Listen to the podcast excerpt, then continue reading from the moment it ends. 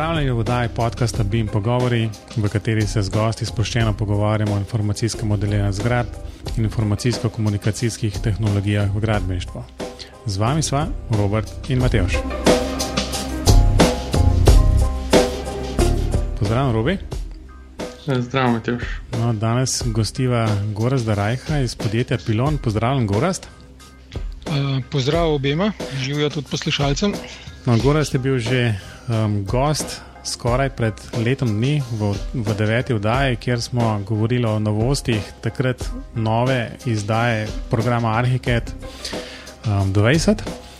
No, to pot jasno, ker je leto naokoli, govorimo o novostih pravkar izdanega, pač nove verzije programa Arhiket 21. Tako da, če se ne motim, je bila taka svetovna premjera tega programa v začetku junija, slovensko premiero pa je doživela pač ta nov program, mislim, da je v petek in pa um, potem v ponedeljek, se pravi, par dni nazaj, 26. oziroma 23. je bil do, nek dogodek v Mariboru in potem 26. v Ljubljani. Um, tako da, Gorast, morda predno gremo na sam program in novosti, ki jih je kar nekaj, tudi takšnih zanimivih za, za, za Bimovce. Um, lahko v parih stavkih poveš um, nekaj vse. Ravno toliko, da poslušalci, ki niso slišali tebe, govoriti o deveti oddaji, zvajo nekaj o tebi. Torej, z, v Pilonu skupaj z mojim sodelavcem Matjažem Likebom, smo partnerja. Tukaj se že od leta 2002 ukvarjava s, s Arhikedom, praktično izključno z Arhikedom. On ima še malo daljšo zgodovino. Eh, z Arhikedom se je začel že konec 80-ih let ukvarjati. Um, v tedajni firmi Jabolko, ki je bila zastopnik. Uh, no, jaz sem se mu pridružil leta 2002. Uh, Ves čas, drugače sem po izobrazbi inženir strojništva, ampak um, ves čas se ukvarjam s CAD sistemi. Um, svoje dni dolg, dolgo časa nazaj s programom CAD, ki je bil še na DOS-u, pa potem na Windowsih, uh, potem s bolj strojniškim paketom SolidWorks. Uh, in malo za kratek čas sem presedlal na hardware. Um, za Silicon Graphics sem bil zastopnik, oziroma v podjetju Aster, ki je bilo zastopnik za Silicon Graphics. No, od leta 2002, pa se pravi že 15 let, pa z Matjažem, uh, bolj ali manj izključno Arhiket in vse, kar je okrog njega. Ja, no. zgodovina je žene. Ker nekaj ste že dali skozi tudi nekaj programov, vmes že zginili.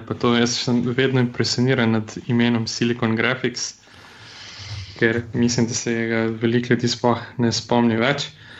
Um, ampak ja, danes smo se tudi dobili zato, da bi malo povedali, kakšne so, bile, kakšne so kaj novosti, ki so uvedene v novo verzijo uh, Arhikeda.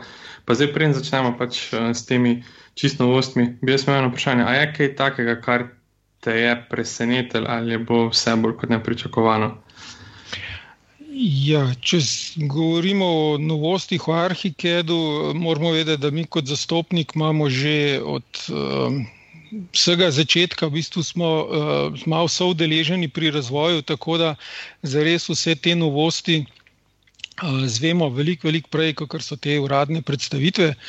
Tako da nekaj par novosti že vemo okrog 22, ampak ne, to še ostane skrivnost za naslednjo oddajo, drugo leto. Um, tako da, uh, za res ne. Um, Kakšnih presenečenj, um, dva, tri, ki bo mogoče potem malo bolj podrobno predstavil, uh, ja, ker jih niso tako na velik zvon obešali in smo jih uh, uh, zaznali oziroma odkrili, bolj kot ne po naključju, uh, ko smo bili beta testeri, um, drugače pa za res ne.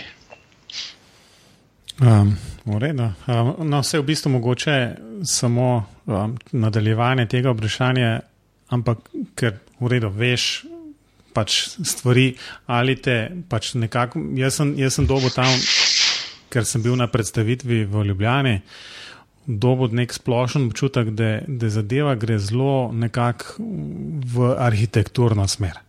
Um, pa me je v bistvu kar takoj popravil, da se motim, da temu ni tako. Ne? Um, ampak tudi, recimo, pač ljudi, ki sem jih opozoval okoli sebe, jaz, vi imate sigurno um, na pilono bolj pregled oziroma podatke, kdo je odkot, ne, ampak jaz sem imel občutek, da je večina um, je arhitektov. A se je v bistvu kaj motam ali je v bistvu bil tak napačen občutek, ki sem dobil? Ne, zares ne. Um, občutek uh, je čista prav. Um, velika večina naših uporabnikov so arhitekti. Arhitekt ima že skozi svojo zgodovino, je bil uh, kot uh, idealno urodje za manjše uh, arhitekturne biroje. Zdaj ta pojem manjši um, je v svetu čist nekaj drugega kot pri nas. Pri nas manjši biro se razume 1, 2, 3. Ne, v svetu je to manjši biro 50 do 100 arhitektov. Uh, nekoč tradicionalno vse, kar je bilo več kot to, je obladoval AutoCAD s svojim uh, 2D uh, risanjem. Um, pri nas je pa to um, majhen drugač, um, velikih birojev za res v takem svetovnem merilu sploh nimamo. Uh, tako da res stranke so v glavnem arhitekti, uh, je pa v zadnjem času ogromen, ogromen zanimanja uh, iz gradbenih uh, firm. Uh, ne bom rekel zdaj izključno za arhitekt, ampak za BIM na splošno.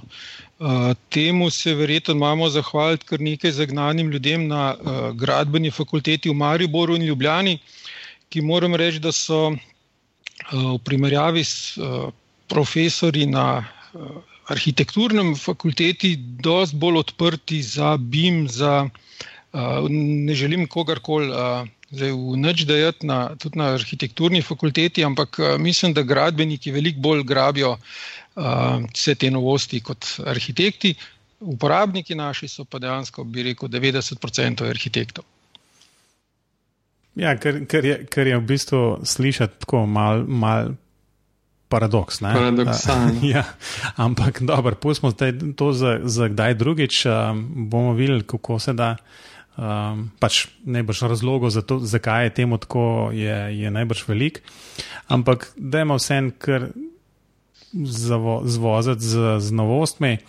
Um, jaz sem sicer v tele pač podlago za današnji podcast um, nekaj pripravo, ker se mi zdelo, da so tiste glavne točke, um, pa sem kot prvo napisal algoritmičen dizajn.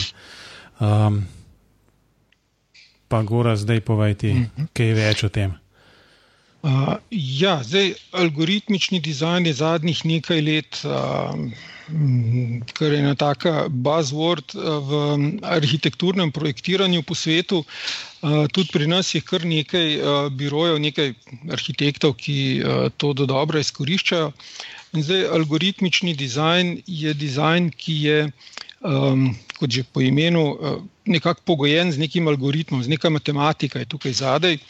Uh, in tukaj se prvenstveno, ali pa začeli se vse skupaj na oblikovanju fasad, na oblikovanju kakšnih um, zelo. Um, specialnih uh, pohištvenih elementov, in tako naprej, uh, kjer so zadaj neka matematična pravila, in oblika, se pravi projekt, potem sledi tem matematičnim navodilom, ki jih zelo enostavno spremenjamo. Imamo nekaj spremenljivk, lahko jih je par, lahko jih je zelo velik, in na osnovi teh spremenljivk se nam sama oblika stavbe ali pa nekega elementa v nastavbi eh, spremenja. Um, zdaj, tukaj je bilo, uh, zares tukaj ni novost v Arhikedu, da smo se tega uh, lotili. Um, zares je bila to novost lansko leto, ko uh, smo naredili prvi dodatek za sinhronizacijo med programom Rajno in Arhikedom. Um, ta dodatek se imenuje Grasshopper Connection. Grasshopper je dodatek na Rajno, ki omogoča ta algoritmičen dizajn. No, in uh, naredili smo povezavo med obema svetovoma, se pravi med dizajnom in pa med BIM aplikacijo. Uh, tako da letos, kar je novega, je nekaj dodatnih funkcij v, te, v tej povezavi, zdaj lahko naslavljamo tudi cone, se pravi pro, prostore, spaces, uh, kot v uh, drugih BIM urodjih uh, temu rečejo, neposredno preko te Grasshopper povezave z Arhikedom. Ja, v bistvu, ja. na, na, sorry, uh, Robi, ki sem uskočil noter. Uh, skratka, tam na predstavitvi se je zdela ta, ta povezava, mislim, tako zelo stabilna. No? Jaz sem ponovadi, ponovadi tako malo zastrižen z, z ušesi, v bistvu, da so kakšne takšne povezave. K, nimam najboljših izkušenj, ampak morda je to zgodovinsko pogojeno, v bistvu, ker so se kakšne takšne stvari delali. Ampak uh, vsaj za tisto, kar je bilo predstavljeno zgleda zelo, zelo, zelo lepo in v bistvu pač neko tekoče delovanje, ne, v bistvu brez da je bilo za uporabnika. Ne vem, otežili mu prav veliko dela, v bistvu s tem dodatnega naredili. Um, torej, res je zdaj eh, v tem letu, kar je ta povezava zunaj med uporabniki, um, se konstantno razvija, vsakih nekaj mesecev je kakšen update za ta um, Grasshopper Connection. Uh, Tako da ja, se pojavijo kakšne eh, težave pri zelo, zelo kompleksnih teh uh, algoritmih v Grasshopperju, predvsem zato, ker tukaj moramo vedeti, da v Rajno tu naslavljamo elemente iz Arhikeda. Se pravi, ta povezava mora biti vse čas aktivna.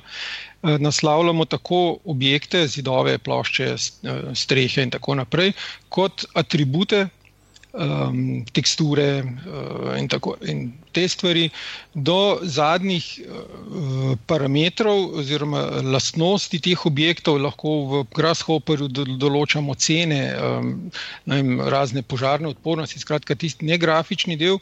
In tukaj je kar velik prometa med obema programoma. Uh, prvo, kar je nekdo, more, uporabnik, mora dobro poznati Rajno, Grasshopper in Arhiket imeti mora dober računalnik, um, potem pa zadeva funkcionira dejansko tekoče. Ne? Nekaj pogojev je, ne? kot smo zdaj slišali, da je tekoče, pa v bistvu verjetno res predpogoj, da to res deluje, ker drugače ljudje pač tega ne bojo uporabljali. Uh, ja, tako je. Zdaj, uh, tukaj moramo vedeti, da algoritmičen dizajn to ni za vsakega, to ni za vsako hišo, za, vsak, uh, za vsakem projektu. Uh, treba je vedeti, kdaj se tega uh, zares poslužiti, in tisti, ki to obvladajo, um, dobijo veliko, veliko prednost. Uh, tukaj naj povem, da je ta, ta povezava je bila razvita na pobudo uh, danskega biroja BIK. Eh, ki je dejansko želel ostati na Rajnotu, kar se tiče konceptualnega dizajna, in so iskali rešitev, kako bi to povezali z Arhikedom, ki ga uporabljajo. In tukaj je bilo ogromno narejenega prav v biroju BIK. Fantje iz Grafisofta so se dejansko preselili za nekaj časa, nekaj teh fantov v biro, kjer so ugotavljali, kako tam delajo, kakšen, kakšno povezavo potrebujejo, in so tako izluščili tisto, kaj potrebujemo zdaj, takoj, kar so lansko leto predstavili, in kaj zdaj vsako leto dodajamo zraven. No, super. Um, daj, če, gremo, če gremo po telih novostih naprej, um, še ena takšna, recimo, arhitekturna zadeva, ki je bila predstavljena, je modeliranje stopnic in ograj. Um, lahko spet v pari stavkih razložiš, kaj je zdaj tisto novo. Jasno, da so se dale stopnice že prej narediti. No, sej, to sem tudi jaz hotel vprašati, zato ker se spomnim še mojih poskusov modeliranja stopnic v Arhike, da povem, da je bilo to. Zdaj se mi je, da je ta, to urodje za modeliranje stopnic v Arhike še iz enih res, res prejšnjih časov. Um, tako da me zdaj zanima, kaj je novega. No, je še vedno treba meriti, koliko je s tem. Uh, Torej, res ta občutek je ta pravi uh, orodje za stopnice, tako imenovani Stairmaker, ki je bil znotraj stopnic, je bil dolgo časa nazaj kot nek zunani dodatek, add-on, pa so ga potem uh, integrirali noter v Arhiket. To mislim, da je prišlo v verziji 7 ali 8, tam je postal integriran del. Uh, In dejansko se od takrat naprej se je spremenilo, je dožilo samo tako lepotne napake, eh, lepotne popravke. Eh, pred cirka štirimi leti so se eh, pri Grafisoftu lotili detaljnega renoviranja tega urodja, oziroma izdelali, začeli so ga delati na novo. Zelo malo so ugotovili, da ne bo mogoče v eno urodje strpati vsega, se pravi, in stopnic, in ograj, in uh, klančin, ramp. Uh, tako da so projekt potem razdelili na tri dele. Uh, prve dva sta zdaj nova v Arhikija do 21, klančine pričakujemo v naslednji verziji. Um, tako da, ja, zdaj, uh, v Sloveniji dejansko ni bilo zelo veliko pripomb okrog um, stopnic. Um, ne vem, ali imamo tako enostavne objekte, tako enostavne stopnice, tako da veliko, dost pripomb ni bilo. Uh, pripombe so v glavnem prihajale iz uh, Amerike, Avstralije, kjer imajo malo drugačen način projektiranja. Um, pripomb je bilo pa pri nas ogromno okrog ograj. Uh, tistih nekaj ograj, ki, bilo, ki so bile zraven, so bile sicer za prvo silo, za kakšne idejne uh, zasnove že v redu, niso bile pa nič prilagodljive, nič se ni dal spreminjati, razen če si ograje naredil čisto po svoje. Pri kompliciranih stopnicah se je vsak poslužil nekih kakšnih obvodov, malo je kaj naredil kot objekte, vzravil svojo knjižnico, pa je nekako šlo. No, za 21, ko smo pa dobili uh, čisto novi urodji za stopnice in ograje. In uh, bistveno pri njih je, da sta narejena na podoben način, kot je urodje za obešene fasade. Tisti uporabniki Arhikeda, ki ga uporabljate že nekaj let, veste, da obešene fasade so uh, kot en element, kateremu določimo pravila, velikost panelov, uh, razmiki in uh, raster, in potem ta objekt enostavno vlečemo po tlorisu, 3D prerezu, kjerkoli, in se nam ta raster po določenih pravilih ponavlja. Potem pa z enostavno klikom na en gumbak Edit lahko dostopamo do vsakega sestavnega dela teh obešenih fasad. Enaka zadeva je zdaj pri stopnicah, se pravi, mi imamo določena pravila, ki jih pač pridejo že s programom, lahko si jih prilagodimo tudi sami, po katerih se ne stopnice ali pa ograje izrisujejo. Na to pa, ko imamo te stopnice, enostavno s klikom na ta gumbek Edit, popravljamo lahko do zadnjega detajla, vsak najmanjši sestavni del konstrukcije stopnic ali ograj. Um, ni več potrebno vnaprej vedeti, koliko dolge bojo stopnice, ni treba stopnic postavljati, pa videti, da jih moram pa malo skrajšati, malo znižati uh, in tako naprej. Uh, program to dela na mesto nas. Um, naredili so uh, neke vrste um, inteligentno. Uh, oblikovanje oziroma inteligenten izris, kjer uh, znotraj tistih pravil, ki smo postavili, uh, program poskuša najti optimalno rešitev za stopnice, ki bi jih radi uh, naredili. Tako da, če uh, imamo prehude zahteve, se pravi, da se stopnic, kot jih mi določimo v Tlorisu, z, uh, ne da izrisati, nam program ponudi, kakšne so pa variante, ki pa bi bile podobne malce spremenjene, ampak podobne in se med njimi odločimo. Tako da je postopek modeliranja stopnic in ograj zdaj bistveno, bistveno uh, enostavnejši. To je zelo dobro slišati. Kot pravim, tisto prejšnjo urodje, zdaj sem se spomnil, ja, da je Stermaker. Tisti je bilo res, bom rekel, po domače, kar nekaj. No. Sicer je naredil, ne prišel si do rezultata, ampak ko si hotel malo zaviti stran od tega, kar je ponujal, bilo pa praktično nemogoče. No. Predvsem te višine, pa to so mene vedno motile, ko si mogel se zračunati. Um, tako da se veselim, bi rad preizkusil. Zdaj, če grem tu po točkah naprej, kar je Mateoš pripravil, je naslednja točka, kar je neka res bistvena novost v tej novi verziji, je IFC referenciranje pa klasifikacija elementov. Um, kaj pa je tukaj novega? Uh, no, uh, Arhiket oziroma pri Grafisoftu smo, kot ste že na začetku ugotavljali, da so v glavnem naši uporabniki arhitekti. Uh, že dolga leta nazaj so se odločili, da ne, bo, ne bomo šli v to, da bi v en program trpali vse mogoče, kar bi tekom enega arhitekturnega, gradbenega projekta uh, morali pač spadati v ta projekt. Uh, odločili so se, da delamo tisto, kar delamo dobro, se pravi, uh, služimo arhitekturnemu projektiranju. Obstaja nekaj zunanjih modulov, kot je za, recimo za modeliranje strojnih inštalacij, za um, dodaten zunanji modul za armature, ampak uh, osredotočamo se na arhitekturno projektiranje. In uh, ker arhitekti morajo sodelovati z ostalimi strokami, jasno, in v tem skladu te Open Beam uh, inicijative, ki jo Graphisoft ravno tako uh, podpira, moramo biti sposobni izmenjavati podatke med različnimi strokami. IFC je tukaj v zadnjih letih postal standard, ki nima uh, nobenega tekmeca, tako da IFC je tukaj in bo tukaj ostal. Uh, zdaj, težava pri uvozu IFC, recimo od strojnikov, statikov, konstruktorjev ali koga drugega, je bila pa predvsem v tem, da smo ta IFC nismo mogli uvoziti kot uh, XRF, se pravi kot zunanjo uh, povezano datoteko.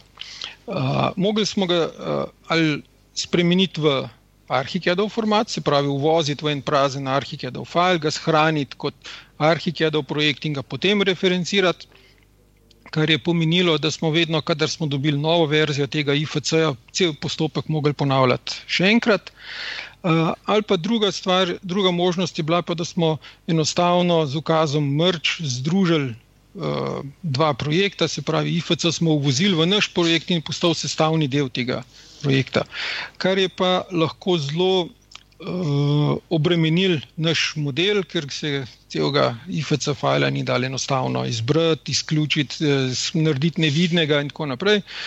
Tako da zdaj v 21, ki je novost v tem, da lahko zunanje uh, referencirano datoteko uh, obstaja tudi v IFC formatu tako kot arhikedovi fili, kot eh, DVG in tako naprej, se pravi, XRF je lahko uh, IFC, tudi IFC.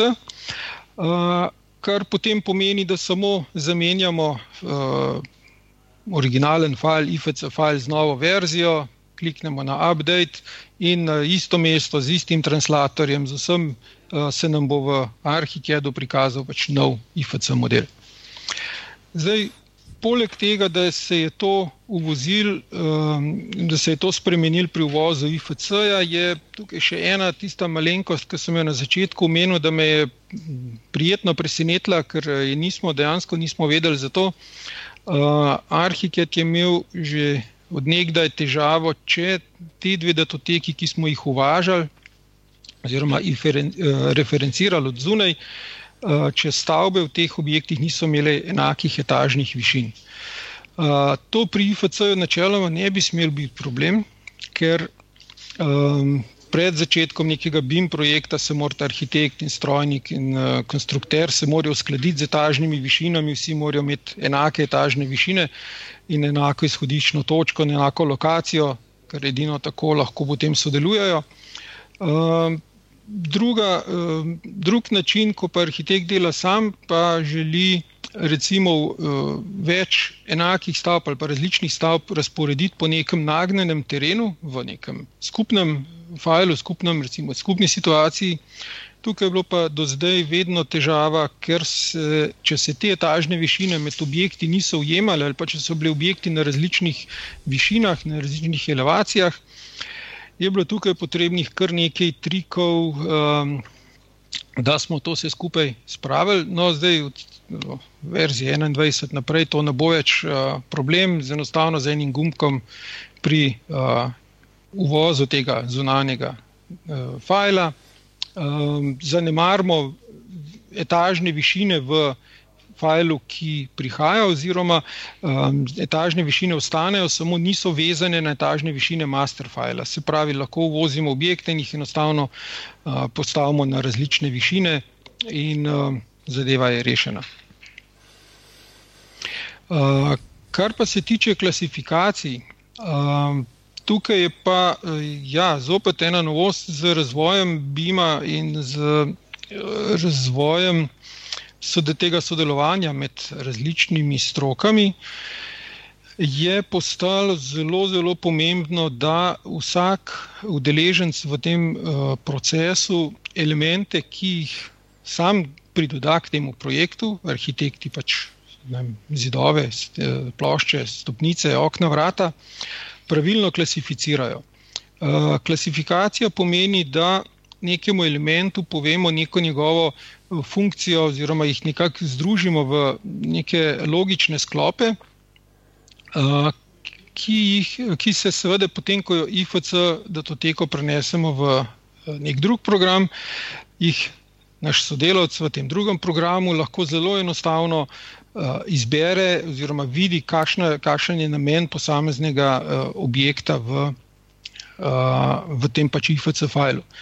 Um, na sami predstavitvi sem to pokazal s primerom, uh, ko sem več objektov, ki so bili narejeni z različnimi urodji, nekateri kot nosilec, nekateri kot zid, nekateri kot uh, knjižnični element, kot morf in tako naprej, sem vse dal v uh, klasifikacijo temelji. Pravi, vse elemente sem zbral in sem rekel, te elementi pa zdaj pripadajo temeljem. Uh, ta klasifikacija je jasno čisto odprta, lahko upišem kakršno koli kombinacijo, uh, ki jo želim in jo uh, pač elementom dodam to klasifikacijo. In potem sem naredil kot primer zelo enostavno izbiranje elementov, ki pripadajo temeljem in zelo enostavno se lahko naredi popis, ker samo rečemo, narediti mi popis vseh elementov, ki, imajo, ki so klasificirani kot temelji. Kot uh, temelje, oziroma kot uh, izbiro v klasifikaciji, lahko določim, kateri, um, katere lastnosti želim tem objektom dodati. Se pravi, uh, požarno odpornost, zvočno izolativnost, in tako naprej. Skratka, s pomočjo te klasifikacije uh, imam moj projekt veliko bolj organiziran. Uh, naj povem, da v tujini, predvsem Amerika in Anglija, imajo že svoje standarde, kar, kar se tiče klasifikacije. Verjetno je že marsikdo slišal za tako imenovane omniklas, uniklas, kar nekaj teh standardov, po katerih morajo biti projekti, elementi v projektih v teh državah klasificirani. No, eh, v Evropi kakšnega skupnega standarda eh, še ni, kaj šele v Sloveniji, ampak slejko prej bo neka klasifikacija, ki bo obvezna. In uh, s tem, ko smo zdaj te klasifikacije uvedli v Arhikija do 21, uh, smo na poti, da lahko prevzamemo katero koli od teh ali obstoječih klasifikacij, ali pa si kreiramo neko čisto svojo. Ja, vse to je v bistvu, v bistvu zelo pomembno, zaradi tega še posebej, če arhitekti delajo za tujino, kaj, kjer se te stvari zahtevajo, ne? tako da so podprte te standardne uh, klasifikacije. Uh, tako, tako je. Sta, uh, v, po defaultu pride z Arhikedom 21 klasifikacija, pač, ki se imenuje Arhiket 21, kjer so neka, po nekakšni uh, logični um, strukturi razdeljeni te, uh, te nivoji, uh, vendar imamo možnost uvoziti uh, poljubno klasifikacijo, ki je standardiz standardizirana kjerkoli na svetu. Uh, zato so pri Graphisoftu naredili eno spletno stran, kjer se te klasifikacije zbirajo in enostavno iz programa samega dostopamo do te spletne strani. In če želimo Uniclass klasifikacijo, recimo se enostavno na tej strani izberemo Uniclass, uh, ga uvozimo v Arhiket in od takrat naprej imamo možnost elemente klasificirati po Uniclass uh, klasifikaciji. Uh, možno je klasificirati tudi po večjih hkrati, se pravi, v samem Arhiket filu imamo lahko več klasifikacij in vsak element klasificiramo po vsaki od njih. Se pravi, da um, če so imamo različne namene, recimo s strojnikom imamo dogovorjeno eno klasifikacijo, uporabljamo to za izmenjavo vem, s kom drugim, pa Uniclass uh, lahko vsak element klasificiramo po poljubnem številu, po poljubnih klasifikacijah. Ja, kar kliče, kar kliče po, po kakšnem avtomatskem prevajanju med um, različnimi klasifikacijami, ampak to bo najbrž verzija 23 imela. Um, Recimo. ampak ena, um, ena stvar, glede IFC referenciranja, me še zanima. Zdaj, ko vključeš to IFC datoteko kot XRF noter, um, kaj se, kaj se da, oziroma kaj se ne da s, te, s temi IFC elementi delati znotraj Arhikeda? Uh, ja, tako zdaj tipično, kadar govorimo o referenčnem modelu, se pravi, da IFC postavimo v naš projekt kot referenco. Uh, kaj se da s temi objekti delati, uh, predvsem ne moramo jih spreminjati, um, dokler jih ne mržemo v projekt. Ampak, kot smo rekli, to ni ravno najboljša rešitev, kajti arhitekt načeloma ne spreminja uh, poteka ne, strojnih inštalacij, ampak se mora s strojnikom uskladiti in jih uh, strojnik uh, potem popravi sam uh, in vrne novo uh, verzijo IFC-ja. Tako da objekti so uh, vidni, lahko si jih uh, jasno skrijemo, lahko jih prikažemo na poljubne načine. Uh, ena od novosti, ki pa jih lahko delamo sedaj v Arhikeda 21, je pa, da te elemente uporabimo pri preverjanju kolizij. Se pravi, zopet na tej uh, predstavitvi sem naredil en tak primer, kjer sem od strojnika dobil strojne inštalacije in sem potem naredil uh, preverjanje kolizij med arhitekturnim modelom in med tem, kar je prišlo od strojnika, in dobil, kot ste videli, uh, ogromno kolizij, ki jih potem lahko označim, uh, pošljem v formatu BCF strojniku, uh, na skupnih sestankih se dogovarjamo, kdo bo zdaj kaj na, tem, na tej težavi, na, tej, na tem problemu naredil. Tako da to je glavni namen IFC-ja oziroma tega referenčnega modela, da preverjamo, ali model z druge stroke paše v naš arhitekturni model. No, še ena stvar okoli tega LIFC je, no? um, če lahko. Um, Zdaj, nek drug softver pač zgenerira ta IFC, ki ga potem pač vključimo, oziroma ga referenciramo v Arhikedu. Um, kako je pa z temi, ki so globalnimi ID in ID v IFC-ju, če se te spremenijo, um, ali to kakorkoli vpliva lahko negativno na to, da um, če imam jaz v Arhikedu karkoli vezan na ta referenciran model, da se kaj stvari um, zgubi, ta neka informacija ali kaj podobnega. Mm, ne, načeloma vsak element v IFC ima svoj neki unik ID in um, na to so vezane vse informacije, tako da um, tukaj do kakšnih izgub podatkov ne sme, ne more priti. Ja, to že, da imajo unik ID, ampak težave z IFC-jem in temi ID-ji so, da se oh, spremenjajo. Se, no? Tudi če se znotraj modela uvozi nek drug, neki podatki z drugo IFC-ja, se ti ID-ji prepišejo. Sicer so unik, pa so v bistvu, um, kako se reče, unik, Matejš pomagi. En, enoznačni ali pa enoznačni. Hvala. So, so enoznačni, ampak se lahko tudi spremenijo. Ne? In to je lahko pa težava, če bi nazaj uvažal kamor, pa kaj takega. Ampak verjetno to itak se ni nič spremenilo. Um, torej, zdaj ne, tukaj kakšnih sprememb uh, ni. Uh, načeloma mi vedno. Ko dobimo nov IFC eh, file, v bistvu starega odklopimo od projekta in uvozimo novega, Ne, in uh, pri referenčnem modelu, vsaj kar se arhikeda tiče, uh, mi ne moremo, um, če bi delali recimo neke popise, jasno, bi tukaj, se, bi tukaj prišlo do spremembe, ker je nek objekt nov. Imamo pa v arhikedu uh, možnost, da primerjamo dva IFC-ja in uh, med njima prikažemo tiste objekte, ki so bili recimo samo premaknjeni, se pravi, so, imajo fizično drugo lokacijo, uh, tiste, ki so bili izbrisani.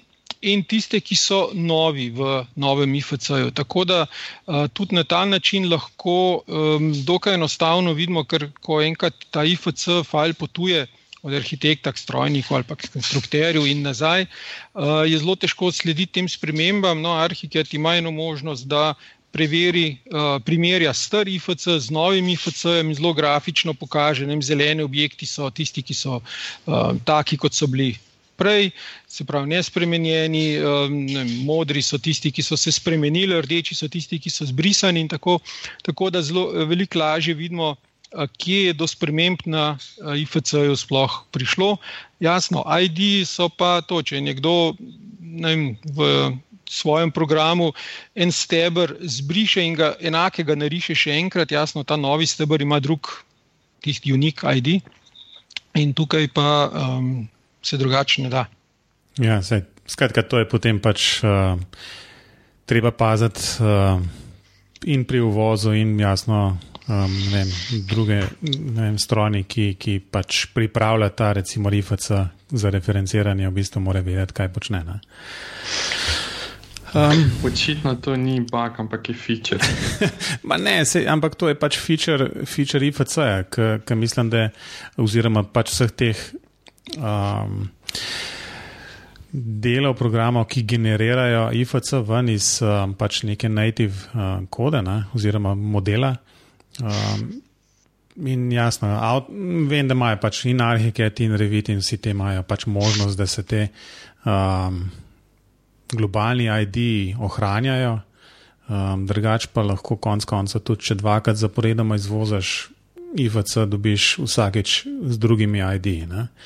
Medtem ko je jasno, geometrija je ta prava v obeh primerih, ne enaka. Ne. No, kakorkoli že, tole zdaj ne bomo rešili, imamo pa še eno zadevo in to je vizualizacija. Um, Malo se vrnemo spet um, na arhitekte. Um, Kako je pa z vizualizacijo? Mislim, da so ene par novosti glede, glede um, renderiranja in um, vizualizacije različnih materijalov in tako naprej. Uh, ja, tako je. Tako kot uh, že nekaj let uh, v Arhikedu je vključen uh, Cine, Cine Render pogon. Uh, to je pogon, ki je prizet od sestrske firme Maxon, ki je avtor programa Cinema 4D.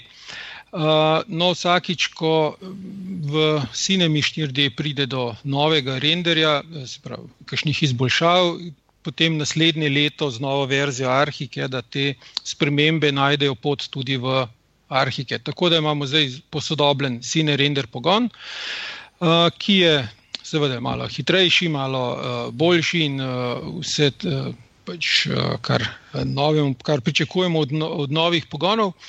Uh, glavni lastnosti uh, no, v 21, ki, kar se tiče sine renderja, pa sta dve. Eno je uh, tako imenovan parallax shader, oziroma kanal parallax v, pri oblikovanju, kreiranju tekstur, in pa monokromatski render. Uh, ki sta oba dva, oziroma ta monokromatski render je nadgrajen od prejšnjega, kjer smo imeli samo na izbiro barvo, s kakšno želimo renderirati ta enobarni white model render. Zdaj lahko zbiramo poljubne barve, lahko povemo, da se nam bump mapping prikaže tudi na tem white model renderju. No, pri Parallax Shaderju pa je pomembno to, da pri zelo bližnjih posnetkih, pri bližnjih renderjih, kjer delamo predvsem kakšne interjerje, kjer imamo nek material, ki ima zelo razgibano površino. Je do sedaj bila možnost, ali da smo uporabili tako imenovani bump mapping, ki nam nekako simulira hrapavost površine, recimo vem, fuge med ploščicami, um, fuge med uh, opekami in tako naprej. Uh, Ki pa je tak zelo hiter približek te prave uh, realnosti. Uh, veliko bolj natančne rezultate smo dosegli, če smo uporabili uh, kanal uh, Displacement Map. Vendar uh, slaba lasnost pri displacement mapu je pa, da zahteva zelo, zelo veliko časa oziroma veliko uh, več procesorske uh, moči. No, uh, zdaj v Arhikedu 21 imamo pa tudi eno umestno pot, to je Parallax Shader, kjer bump mapping uporabimo za uh, en uh, kanal, ki nam naredi veliko, veliko bolj realističen Eh, ta, to hrapavost površine, eh, ne sicer tako kot displacement map, ki dejansko eh, premakne površino, da je potem tudi senca je zelo realistična, ampak vseeno veliko, veliko bolj bliže realnosti z zelo malenkostnim povečanjem časa renderiranja. Tako da tisti, ki bojo ta material oziroma ta kanal v, pri materialih uporabljali, bojo videli zelo, zelo bistven napredek pri svojih renderjih. Um, zdaj, še ena stvar, kar se tiče vizualizacij, uh, pa ne renderiranja, ampak uh, samega dela v Arhikedu, pa so tako imenovani 3D stili, uh, kjer uh, imamo zdaj. Uh, možnost, da izgled, ki si ga na zaslonu nastavimo, recimo OpenGL z vključenimi sencami, s kakovostnimi teksturami, eh, z vem, obrobami robov in tako naprej, da si vsak od teh. Eh, vsako od teh nastavitev shranimo kot nek 3D stil.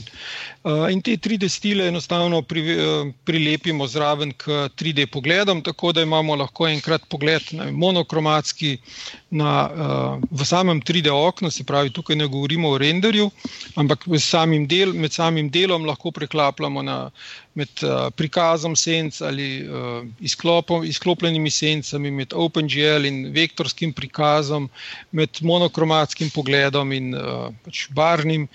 Uh, tako da imamo zdaj te možnosti lahko lepo shranjene, tistih nekaj pogledov, ki jih običajno uporabljamo, in z enim samim klikom miške med njimi preklapljamo. Hmm, ja, v bistvu to uživo zgleda še bolj, kot si ti opisal. Um. Uh, ja, tež, malo težko je tako opisati. Uh, me kar srbi roka, da bi z miško malo pokazal, ampak uh, smo samo avdio. Robi, Robi, si slišal? Ja, sem slišal, ampak sem ravno, ravno sem hotel reči, da si kar težko predstavljam kaj vse je novo. In sem se takoj spomnil, da bo Matej še imel kakšen komentar na to, in sem pa zadržal za sebe. Ampak je bilo prepozno. Ja, res je. Uh, namreč, namreč robim malo pripravljeno na to, da bomo enkrat video podcast naredili glede tega. Ampak dobro, mogoče takrat, ko bo Arhiket verzija 23.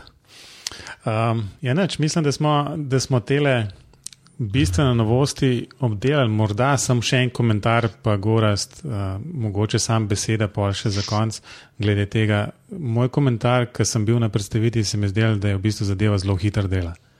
Um, bil sem kar močkam prezenečen, tako mislim, da sem robil tudi te preko, da sem bil kar um, ok, ker imam v spominu, kako je včasih dela, kjer roko na zrce ni bilo najhitrejše, ampak to, kot si ti pokazal. Um, zadeva se mi zdi, da je tudi na tistem tvojem računalniku, ki je bil laptop, se mi zdi, da um, je zadeva zelo lepo delala.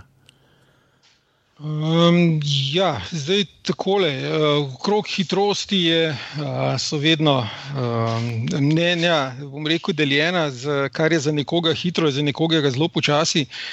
Um, kar se hardvera tiče, je. Uh, so zahteve Arhike, da je 21 postale približno enake kot uh, za verzijo 20. Uh, tako da tukaj ni potreben nek strahovit uh, hardware, jasno, ne škodi, sploh kadar delamo velike, velike projekte. Uh, tudi tale moj prenosnik, uh, ki sem ga imel na demonstraciji, uh, ni bom rekel, uh, ravno najcenejši uh, iz Hoferja za par sto evrov, ampak vseeno celo premoženje pa uh, tudi, tudi ne stane. Tako da, kar se hardvera tiče, je tako. Um, Recimo i7 procesor, minimalno 16 GB RAM, grafično kartico, bolj priporočamo gamersko kartico.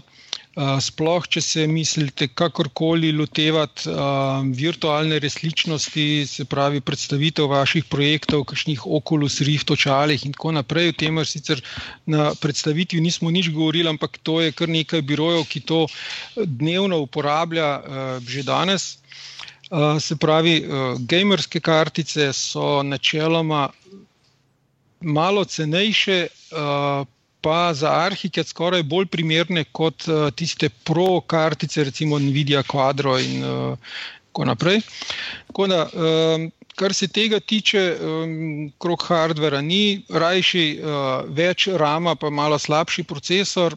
Procesor mora imeti štiri jedra, ker drugače zadeva ne deluje tako hitro, kot je pri meni. Arhiket uporablja tako imenovani background processing, se pravi, da uporablja neizkoriščena jedra, ki jih trenutno ne uporabimo na računalniku oziroma v procesorju, zato da v ozadju že nekaj preračunava, se pripravlja na naš naslednji pogled. In to, če imamo dvojedrni procesor, ta, je ta funkcija avtomatično izklopljena. Tam je potem oba jedra rezervirana samo za arhiket funkcije, nič tega background processinga ni. Um, tako da, kar se tega tiče, uh, ni bistvenih sprememb, mogoče samo to, da ne poskušate arhikeda inštalirati na Windows 7.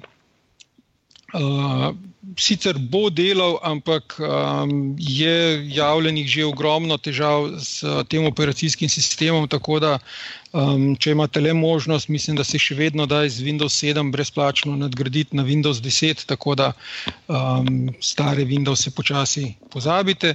Je pa tudi OpenGL uh, doživel eno spremembo v Arhikedu, tako da dejansko deluje tudi na istem hardveru.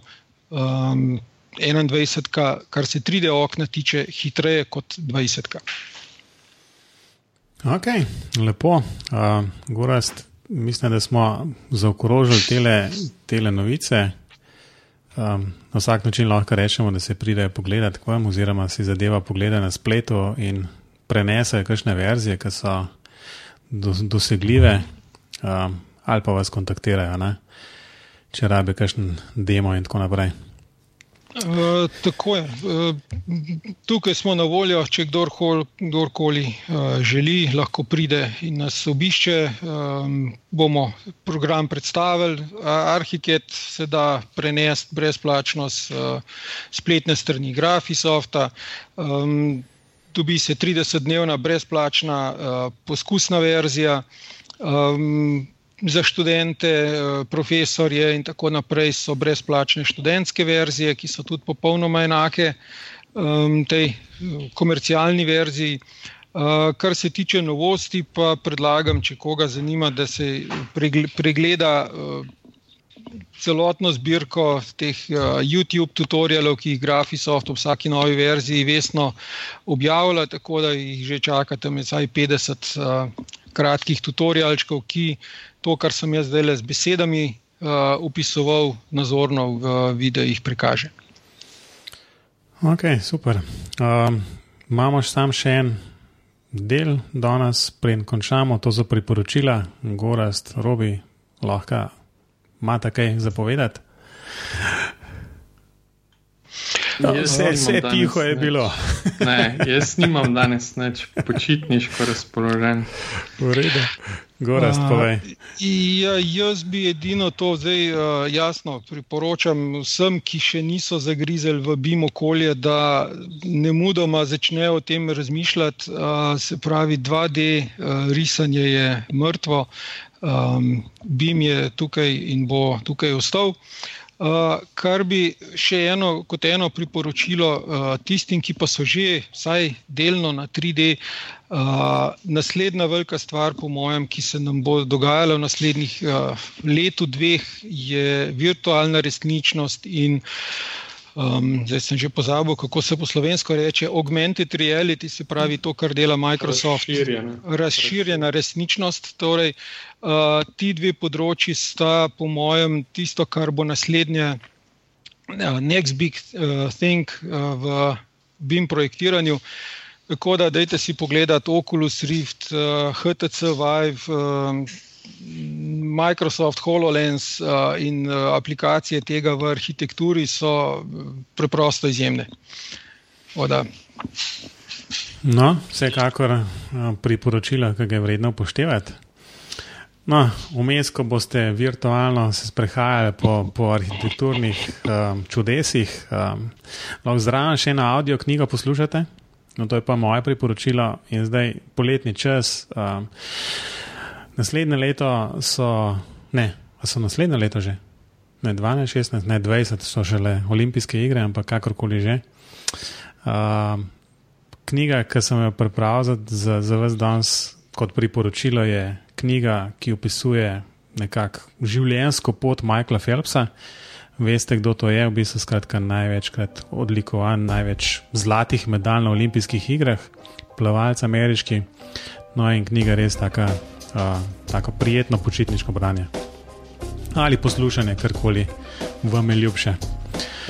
Um, ne, smo pri koncu, Gorast, morda predno res končamo, samo še kje, kje te poslušalci lahko kontaktirajo za dodatne informacije.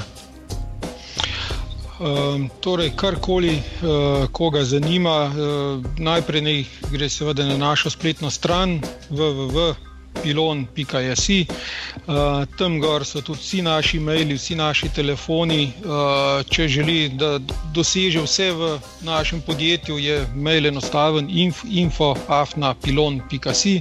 Um, tukaj bomo cele počitnice, če ne jaz, pa kdo, uh, kdorkoli uh, drugim bomo z veseljem odgovorili kaj predstavili, kaj pomagali. No, hvala. Robi. No, če bo komu dolg čas, čez poletje, mi lahko piše na robert.afnaklinc.net. Pa tudi, če komu ne bo, pa bi me rad kaj vprašal, vabljen. Če pa ima kdo Twitter, pa bi me rad tam, eh, kaj kontaktirajo, pa afna Robert Klinc. Hvala, Robi. Um, No, skratka, mene še najlažje na, na spletni strani mateždolens.com, kjer so vse te stvari napisane, ki jih je že gore omenil, od telefonov, mailov in podobnih stvari. No, telefon mogoče res ne, ampak vseeno. Um, Bim pogovori, pa še vedno na spletu, Facebooku, Twitterju, um, po novem YouTubu. Enkrat že želim, da, jasno, da bo tam ta pravi video, ne samo um, taka lepa nalepka. Um, ampak vseeno lahko se tudi na, na YouTube kanal Bim Pogovori naročite. No, v bistvu smo pri koncu, Gorast. Najlepša hvala, da si vzel čas in povedal predstavo te bistvene spremembe ali pa novosti v novi verziji Arhika 21. Tako da še enkrat hvala lepa. Um, in s tem smo tudi končali. Hvala za povabilo in do naslednjič. No, skratka, slišimo se, če ne prej, pred 22. Um, skratka, gora stroga. Ja. Adijo. Adijo. Adijo.